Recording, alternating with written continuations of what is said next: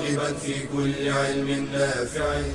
ينمو العلم ويتقدم بتقنياته ومجالاته ومعه نطور أدواتنا في تقديم العلم الشرعي.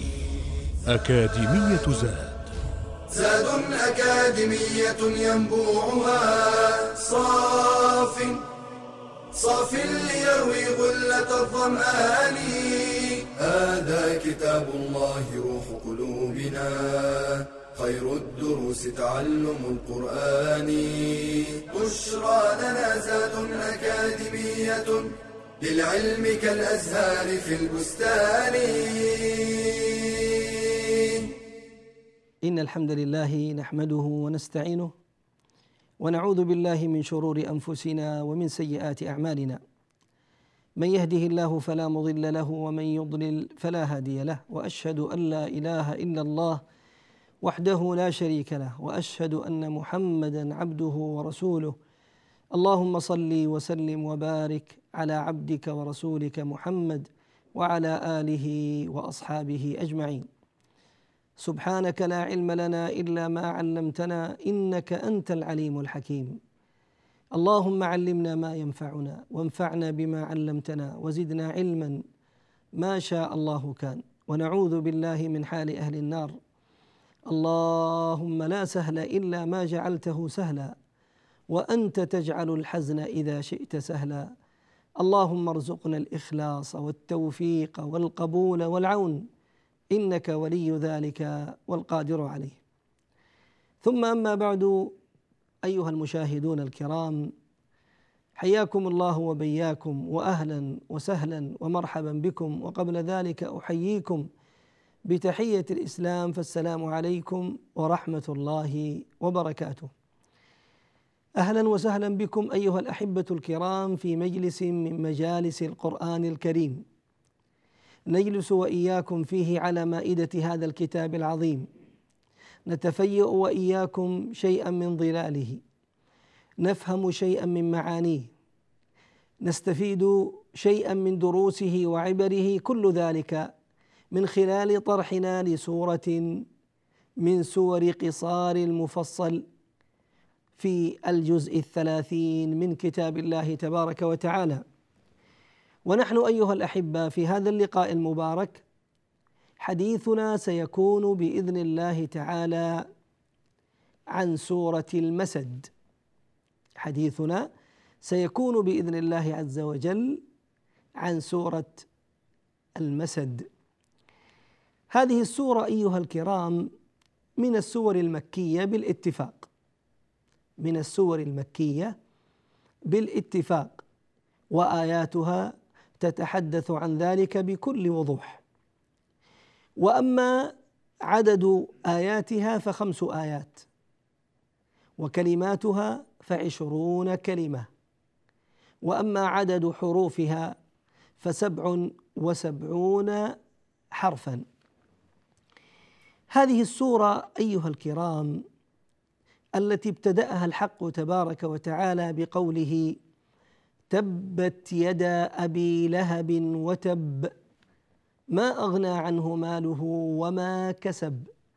سيصلى نارا ذات لهب وامرأته حمالة الحطب في جيدها حبل من مسد.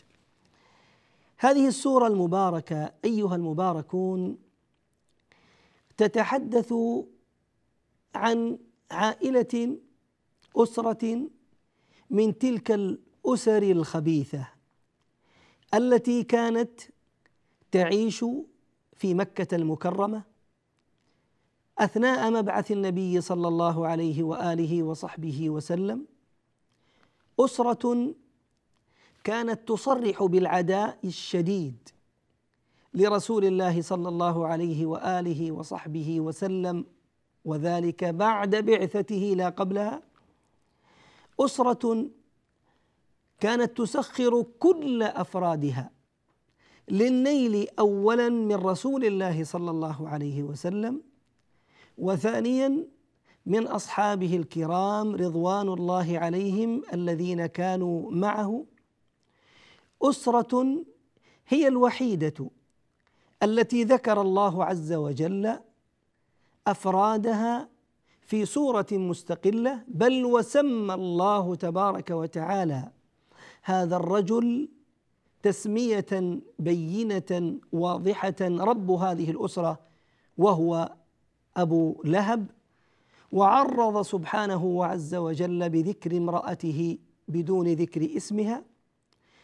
أسرة رغم أنها كانت قبل البعثة النبوية قريبة جد قريبة من رسول الله صلى الله عليه وسلم وذلك أن هذا الرجل المعني بهذا الكلام المذكور صراحة في هذه السورة هو عم النبي صلى الله عليه وسلم. نعم عم رسول الله صلى الله عليه وسلم.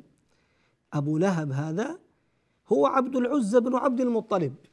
عبد العزى ابن عبد المطلب عم رسول الله عليه الصلاة والسلام. بل إن هذه الأسرة كان اثنين من أبنائها وهم أبناء أبي لهب عتبة وعتيبة كانا كانا صهر رسول الله صلى الله عليه وسلم. فقد تزوجا ببنتي رسول الله عليه الصلاة والسلام رقية وأم كلثوم. تخيل. أي أنه مع قرابة النسب بين أبي لهب وبين رسول الله صلى الله عليه وسلم فهو كما ذكرنا عمه أيضا زادت رابطة الرحم زادت رابطة الصهر. فكان اثنين من أبناء أبي لهب هما زوجين لثنتين من بنات رسول الله صلى الله عليه وآله وصحبه وسلم. ومع ذلك كما قلنا ما ترك طريقا. ولا سبيلا ولا اسلوبا ولا وسيلة من وسائل العداء التي يمكن أن تتخذ ضد رسول الله صلى الله عليه وسلم وضد دعوته وضد يعني عائلته إلا واستخدموها عياذا بالله. حتى العائلة نعم حتى العائلة حتى العائلة. فلم يكتفي أبو لهب مثلا بالعداء الصريح الواضح الذي أعلنه لرسول الله عليه الصلاة والسلام منذ أن صعد عليه الصلاة والسلام على الصفا ونادى وصباحاه فاجتمعت بطون قريش. من ذا من, من تلك اللحظة التي قال فيها أبو لهب لرسول الله تبا لك وسنذكر هذا إلى عياذا بالله أن توفاه الله تبارك وتعالى مخزيا ذليلا خائبا خاسرا بعد غزوة بدر ولله الحمد والمنة. كل تلك الفترة الزمنية يعني ما يقارب من من خمس عشرة سنة وأبو لهب ينصب العداء لرسول الله ويعلن ذلك. زوجته أروى بنت حرب ابن أمية لم تفتأ في يوم من الأيام كذلك في إعلانها الحرب من خلال ما كانت تفعله سواء لرسول الله صلى الله عليه وسلم من إلقاء الشوك أمامه في طريقه إذ كان يعني كانوا جميعا متجاورين فكان بيت أبي لهب قريب من بيت رسول الله صلى الله عليه وسلم فكانت تتعمد أن تضع الأذى والشوك في طريق رسول الله عليه الصلاة والسلام مرورا بأذيتها لابنتي رسول الله صلى الله عليه وسلم بعد البعثة. نعم أذيتها لبنتي رسول الله التي كانتا تحت ابنيها وفي بيتها فكانت تستخدم صنوفا وألوانا من اذيه هاتين الفتاتين بنتي رسول الله عليه الصلاة والسلام إلى أن أجبر الإبنان بطلاق بنتي رسول الله صلى الله عليه وسلم فطلقاهما عياذا بالله. وللحديث بقية إن شاء الله بعد الفاصل. بشرى لنا زاد أكاديمية للعلم كالأزهار في البستان.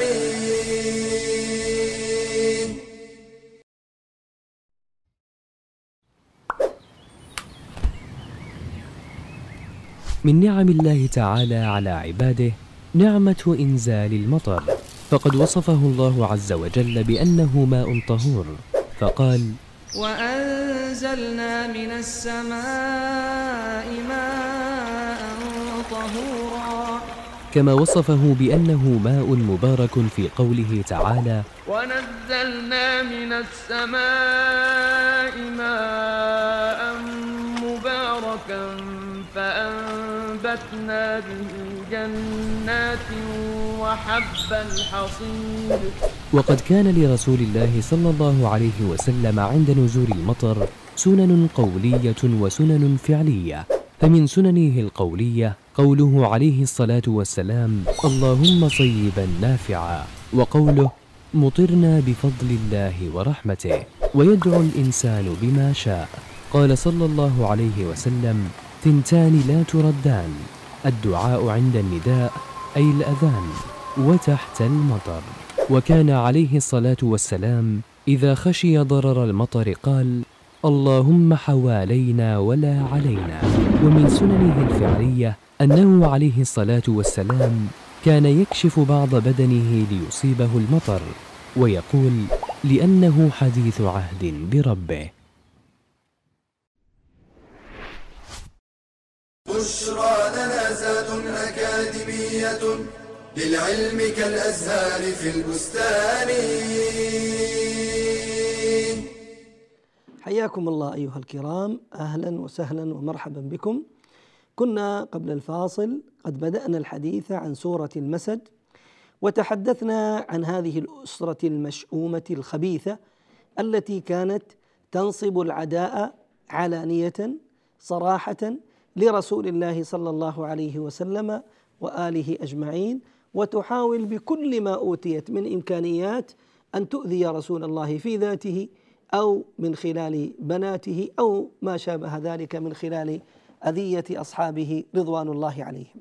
أيها الكرام بعد هذه المقدمة ابتدأ الحق تبارك وتعالى أقول هذه السورة بقوله عز وجل تبت يدا أبي لهب وتب.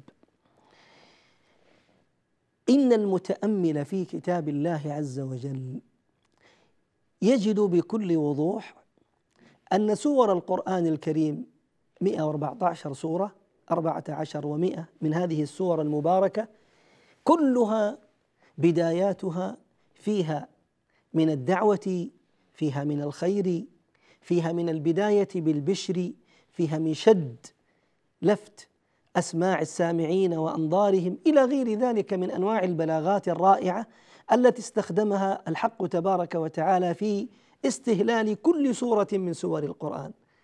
إلا هذه السورة التي ابتدأها الحق تبارك وتعالى بقوله تبت ومعروف أن التباب المراد به الخسارة الهلاك نعوذ بالله الضياع. فالله تبارك وتعالى يبتدئ هذه السورة مباشرة بالدعاء وإعلان الخسارة الصريحة لهذا العدو اللدود من أعداء الدعوة إلى الله عز وجل. وذلك يشعرني وإياك على أن الأصل الأصل في دعوتنا إلى الله تبارك وتعالى هو اللين والحكمة والرفق فإن الرفق ما كان في شيء إلا زانه وما نزع من شيء إلا شانه إلا في بعض الأحيان الضيقة جدا فبعض الاحايين الضيقة يحتاج فيها المرء إلى شيء من الغلظة إلى شيء من القوة كما قال القائل ومن يك حازما فليقس أحيانا على من يرحمي فلا بد من القسوة أحيانا. البس لكل حالة لبوسها إما نعيمها وإما بؤسها. الآن هذه السوره ستضرب لنا نموذجا للعوائل السيئة المعادية لحرب الإسلام والمسلمين وممثلة في في في شخص أبي لهب مع قرابته لرسول الله إلا أنه قد خسر خسرانا مبينا. فناسب أن تبدأ هذه السورة بالدعاء عليه بالخسارة وإعلان ذلك صراحة تبت يدا أبي لهب. ما سبب نزول هذا الدعاء الغليظ وهذه السورة التي نحن اليوم بصدد الحديث عنها؟ يذكر أهل السنة من حديث عبد الله بن عباس فيما ورد من أن رسول الله صلى الله عليه وسلم صعد في يوم من الأيام وذلك بعد بعثته وأمر الله تبارك وتعالى له بإنذار العشيرة الأقربين إذ قال تعالى وأنذر عشيرتك الأقربين. هنا صعد عليه الصلاة والسلام على جبل جبل الصفا أو غيره من جبال مكة ونادى وصباحاه وصباحاه ثم أخذ يسمي بطون مكة يا بني عبد المطلب يا بني فهر يا بني اجتمعت بطون مكة من لم يستطع أن يخرج بنفسه أرسل من ينظر في الأمر وكان من ضمن أولئك المستجيبين الخارجين لتلبية هذا النداء من رسول الله صلى الله عليه وسلم هو أبو لهب عبد العزى عم رسول الله صلى الله عليه وسلم. فلما اجتمعت قريش ابتدأ عليه الصلاة والسلام فسألهم مقررا لهم عن حاله الذي يعرفونه عنهم فقال لهم أرأيتم لو أخبرتكم أن خيلا خلف هذا الجبل يوشك أن تغير عليكم. أكنتم مصدقيه جيش الآن سيقدم عليكم. لو قلت لكم هذا الكلام تصدقوني؟ قالوا نعم. ما جربنا عليك كذبا قط. فقال عليه الصلاة والسلام فإني نذير لكم بين يدي عذاب شديد. فإني نذير لكم بين يدي عذاب شديد. فقال عدو الله أبو لهب وهذه أول كلمة يصدح بها أمام رسول الله صلى الله عليه وسلم في هذا الموقف العظيم قال له تبا لك. ألهذا جمعتنا؟ تبا لك. ألهذا جمعتنا؟ وهنا ينزل القرآن الكريم بتوجيه اللفظ الذي قاله أبو لهب وإعادته عليه. فأنت المستحق لهذا التباب أنت المستحق لهذه الخسارة وهذا الهلاك وهذا الوبار وهذا الضلال. وليس رسول الله صلى الله عليه وسلم الذي جاء بالحق والميزان والذي جاء بالصدق البين والذي أرسل من عند الله تبارك وتعالى. فقال الله تبارك وتعالى له تبت تبت يدا أبي لهب وتب. إذا تبت هنا قلنا قلنا تبت هنا بمعنى خسرت وهلكت وظلت. يد أبي لهب وتب. وقلنا أبو لهب هو عبد العزى بن عبد المطلب عم النبي صلى الله عليه وسلم وكان على الصحيح يلقب بأبي لهب وليس له ابن يقال له لهب. ولقب بأبي لهب وذلك لحمرة خديه. كان وضيئا حسنا وخداه أحمران فلقب بهذا اللقب أبو لهب. أبو لهب واللهب هو ذاك الاحمرار الذي يكون في طرف النار عند اشتعالها. وقال الله تبت يدا أبي لهب وتب. وهذا من باب لاحظ هذا من باب ذكر الخاص يراد به العام. هذا قول طائفة كبيرة من أهل التفسير أن الله تعالى لما قال تبت يدا أبي لهب المراد هو ذاته وإنما ذكر تبارك وتعالى اليدين إنما ذكر سبحانه وتعالى اليدين لأنهما قد يكنى باليدين ويراد بهما الذات فيذكر البعض ويراد به الكل يذكر البعض ويراد به الكل. وقال بعض أهل التفسير المراد يديه فعلا. المراد يديه فعلا. فإنه طالما كان يأتي إلى النبي صلى الله عليه وسلم ويقول لرسول الله عليه الصلاة والسلام يا محمد يا محمد طالما قلت لنا أن هناك بعث وإعادة خلق للحياة بعد الموت ثم يرفع يديه فينفخ فيهما ويقول وما رأينا من ذلك شيئا. فكرر هذا الفعل في يديه وهو النفخ فيهما كناية على عدم وجود شيء مما تذكر ومما تقول. فقال الله تبت يدا أبي لهب. هذه هذه أو هاتين اليدين اللتين تفعلان هذا الفعل وتنكران هذا الإنكار الصريح الواضح لما كان حقا وصدقا خسرت. وحصلت لها الخسارة والهلاك والدمار في الدنيا قبل الآخرة إذا تبت يدا أبي لهب وتب أيضا لاحظ التكرار هنا في هذه الآية الأولى إذا عندنا في أول الآية تبت وفي آخر الآية وتب فلماذا هذا التكرار؟ هل هو من باب التأكيد فقط؟ تأكيد الخسارة والدمار؟ قال أهل التفسير تبت الأولى هذا دعاء تبت يدا الأولى هذا دعاء على هذا الخبيث أبي لهب بالخسارة والهلاك. والثانية هذا تأكيد لوقوع هذه الخسارة وتحتمها وأنه غير منفك عنها وسيستمر فيها وقد كان الأمر كذلك. فقد أخزاه الله فأماته الله تبارك وتعالى على الكفر الصريح البين. وقال بعض أهل العلم وهم من ذكرنا آنفا في أن المقصود بهما حقيقة يدي أبي لهب. قالوا تبت الأولى معني بها يديه. تبت يدا أبي لهب وهذا واضح من صريح القرآن. والثانية المراد بها الذات. إذا تبت الأولى ليديه والأخيرة وتب أي كاملا كله أيضا قد خسر وقد هلك هلك وظل عياذا بالله ضلالا مبينا وقد كان بفضل الله تبارك وتعالى وللحديث بقية إن شاء الله بعد الفاصل. بشرى لنا زاد أكاديمية للعلم كالأزهار في البستان.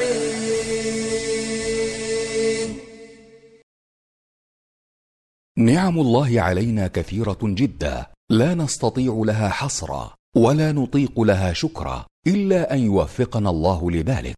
قال تعالى وان تعدوا نعمه الله لا تحصوها ان الانسان لظلوم كفار. وان من النعم ما هو معتاد متكرر ومنه ما هو متجدد. فاذا تجددت للعبد نعمه أو اندفعت عنه نقمه فيستحب له أن يسجد لله شكرا. فقد كان النبي صلى الله عليه وسلم إذا جاءه أمر سرور أو بشر به خر ساجدا شاكرا لله. وسجد أبو بكر لما أتاه فتح اليمامة. وسجد علي بن أبي طالب عندما انتصر على الخوارج. وسجد كعب بن مالك لما جاءته البشرى بتوبة الله عليه. وليس له حكم الصلاة. فلا يشترط له طهارة ولا غيرها من شروط الصلاة بل يسجد ويقوم بلا تكبير ولا تشهد ولا تسليم ويقول في سجود الشكر سبحان ربي الأعلى ثلاثا أو أكثر ويدعو بما شاء كما يفعل في سجود الصلاة فاحرص على شكر الله على نعمه وتعبد لله بذلك فإنما تحفظ النعمة بالشكر. قال تعالى وإذ تأذن ربكم لئن شكرتم لأزيدنكم ولئن كفرتم إن عذابي لشديد بشرى لنا زاد أكاديمية للعلم كالأزهار في البستان حياكم الله أيها الكرام. عدنا إليكم بعد هذا الفاصل السريع وكنا قبله قد تحدثنا أو أتممنا الحديث ولله الحمد عن الآية الأولى من سورة المسد والتي قال الله تبارك وتعالى فيها تبت يدا أبي لهب وتب. ثم قال عز وجل ما أغنى عنه ماله وما كسب. هذا الرجل أبو لهب عبد العزى هذا العدو لهذه الدعوة ولرسول الله صلى الله عليه وسلم أعطاه الله تبارك وتعالى مالا وأعطاه الله تبارك وتعالى ولدا ومع ذلك لم يغنه ماله وولده فيكون سببا له في الغناء في الدنيا أو في الآخرة. قيل أن أبا لهب كان يقول لرسول الله صلى الله عليه وسلم من باب الاستهزاء والاستخفاف به صلى الله عليه وسلم وهو ينكر ذلك المبعث تلك البعثة وهي عودة الإنسان أو عودة الأرواح إلى الأجساد. يقول حال إنكاره للبعث والوقوف بين يدي الله عز وجل يقول وإن وقع ذلك وإن وقع ذلك فإن لي مالا وولدا سيمنعاني من عذاب الله. هو مكذب للبعثة وهي عودة الأرواح إلى الأجساد. هو يكذب بهذا لكن يقول إن وقع إن وقع فإن معي من المال ومعي من الولد ما أستطيع به أن أدفع عن نفسي عذاب الله تبارك وتعالى. فقال الله ما أغنى عنه ماله وما كسب. لن يغني عنك أيها المجرم أيها العدو لله ولرسوله لن يغني عنك مالك لن يغني عنك ولدك وما اكتسبت من عذاب الله تبارك وتعالى. يود المجرم لو يفتدي من عذاب يومئذ ببنيه وصاحبته وأخيه وفصيلته التي تؤويه ومن ومن في الأرض جميعا ثم ينجيه كلا إنها لظى نزاعة للشوى تدعو من أدبر وتولى. ما في فائده والله لا مال ولا ولد يستطيع أن يغنيك أو أن يبعد عنك عذاب الله تبارك وتعالى. إذا ما أغنى عنه أي عن أبي لهب ماله وما كسب. ما كسب قيل المراد بها الولد. فإن ولد الإنسان من كسبه كما أخبر عليه الصلاة والسلام فما أكل المرء من مال هو خير مما كسب وإن ولده من كسبه كما أخبر عليه الصلاة والسلام. فقيل المراد بالكسب هنا ولده. والآية عمومها واضح. أعني في الكسب فتشمل الولد وتشمل غير الولد مما يعتقد أنه قد يغنيه أو ينجيه من عذاب الله تبارك وعز وجل. سيصلى نارا ذات لهب. هذا العدو هذا الرجل البغيض عدو الله عز وجل وعدو رسوله وعدو الدعوة أبو لهب. الله عز وجل في هذه الآية يحكم حكما واضحا صريحا أنه سيصلى نارا ذات لهب. وهنا إعجاز عظيم جدا. ومع كونه إعجاز عظيم جدا يدل على صدق رسالة المصطفى عليه الصلاة والسلام فيها تحدي واضح وصريح لأبي لهب. كيف ذلك؟ أما في كونها اعجازا فلقد حكم الله تبارك وتعالى في هذه الآية أن أبا لهب سيموت على الكفر وأنه سيصلى تلكم النار. سيصلى تلكم النار. وقد كان الأمر كما أخبر الله تبارك وتعالى فمات عدو الله عز وجل على الكفر. قطعا مات عدو الله تبارك وتعالى على الكفر. فهذا فيه بيان واضح فيه بيان واضح لإعجاز هذا القرآن الذي أخبر الله تبارك وتعالى فيه بهذا الخبر ثم وقع كما أخبر الحق تبارك وتعالى. وأما في كونه تحديا صريحا واضحا لأبي لهب فإن أبا لهب كان يسمع هذه الكلمات ويسمع هذه الآية أنه سيصلى نارا ذات لهب ومع ذلك لم يستطع لم يستطع أن يغير مساره أو أن يغير طريقه طريق الكفر والضلال ليثبت لرسول الله وليثبت لقريش ولغير قريش. كذب هذا القرآن مثلا عياذا بالله. بل استمر على ما هو عليه من الانحراف والكفر ولم يلج الإيمان إلى قلبه ولم يتفوه به على لسانه. وصل به الحال يا الله هذا الرجل وصل به الحال والعداء لرسول الله تحقيقا لما أخبر الله عز وجل به من كفره أنه لم يكتفي بالعداء لرسول الله صلى الله عليه وسلم داخل مكة في ذات الرسول وفي بنتيه وفي بيته وفي أصحابه بل كان كما ثبت يخرج خلف رسول الله صلى الله عليه وسلم إذا خرج في في في في المواسم كسوق عكاظ أو ذي المجاز فقد كان صلى الله عليه وسلم يخرج إلى تلك الأسواق ويدعو الناس إلى الله تبارك وعز وجل فكان يتبعه عمه عمه أبو لهب إذا وقف عليه الصلاة والسلام فدعا الناس إلى الله تبارك وتعالى وقضى كلامه وسار يأتي عدو الله أبو لهب ويقول للناس لا تصدقوا فإنه كاذب.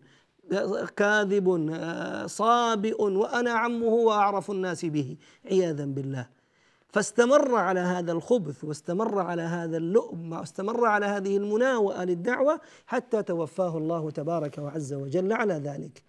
ثم ينتقل السياق القرآني للحديث عن بيت هذا الرجل عن المحضن الذي كان يعود إليه إذا انتهى من العداء الخارجي ليتلقى تلك الشحنات الجديدة من العداء من تلك المرأة الخبيثة الموجودة عياذا في بالله في بيته وهي زوجه.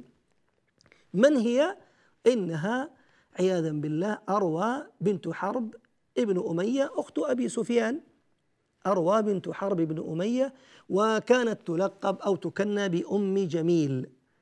تكنى بأم جميل وكانت يعني من من ساد من سيدات المجتمع القرشي آنذاك ومن النساء المعروفات مع نسبهن بحسنهن.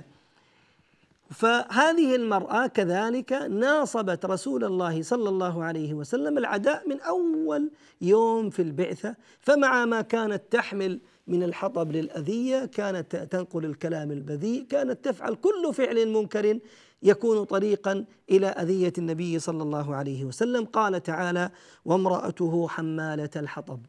هذه أم جميل العوراء.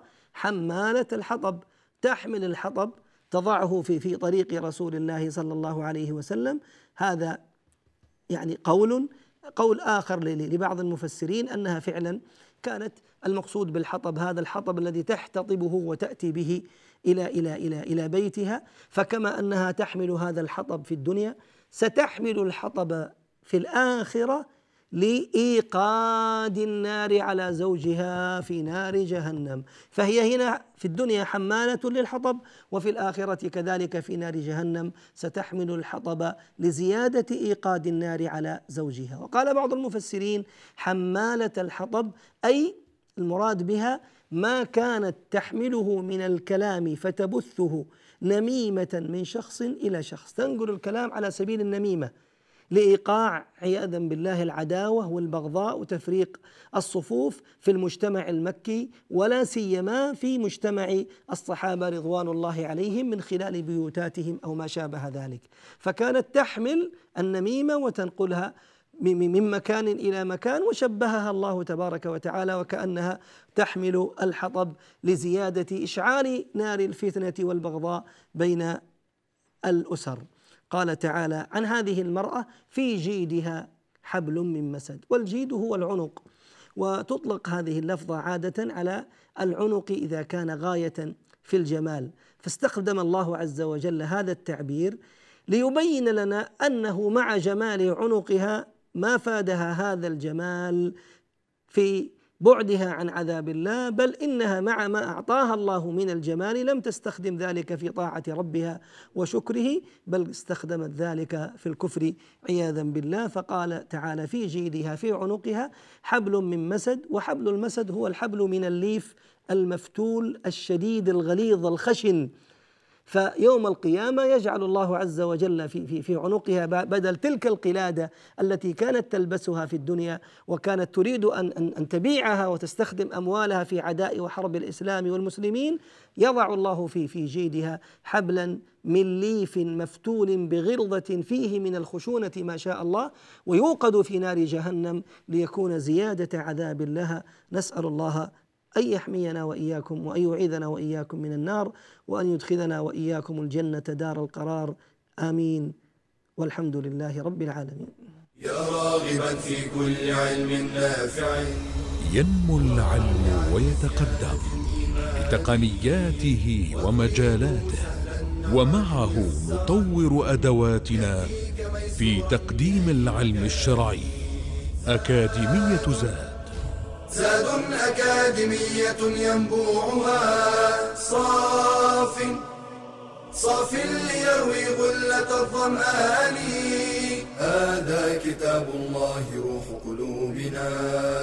خير الدروس تعلم القرآن. بشرى لنا زاد أكاديمية. للعلم كالأزهار في البستان.